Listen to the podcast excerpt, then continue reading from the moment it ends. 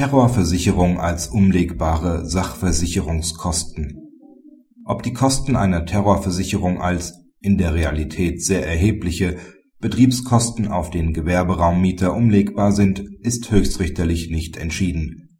Eine solche Entscheidung scheint sich jetzt jedoch, nachdem zwei Oberlandesgerichte das Terrain ausreichend sondiert haben, abzuzeichnen.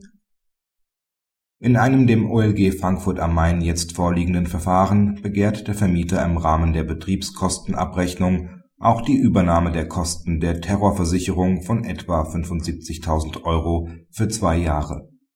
Diese werden ihm vom OLG mit Blick auf die im Mietvertrag getroffene Vereinbarung, dass die Kosten der Sachversicherung umlegbar sind, auch zugesprochen. Ein Verstoß gegen das betriebskostenrechtliche Wirtschaftlichkeitsgebot gemäß § 556 Absatz 3 Satz 1 Halbsatz 2 BGB liegt nicht vor, weil das Interesse des Eigentümers an der Erhaltung des Gebäudes, gleich wie hoch dieses eingestuft werden mag, immer schützenswert ist.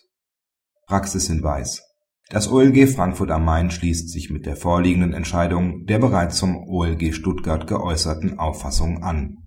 Solange eine Entscheidung des BGH aussteht, sollte die Praxis auf diesen Umstand reagieren und die Umlage einer ausdrücklichen Vereinbarung zuführen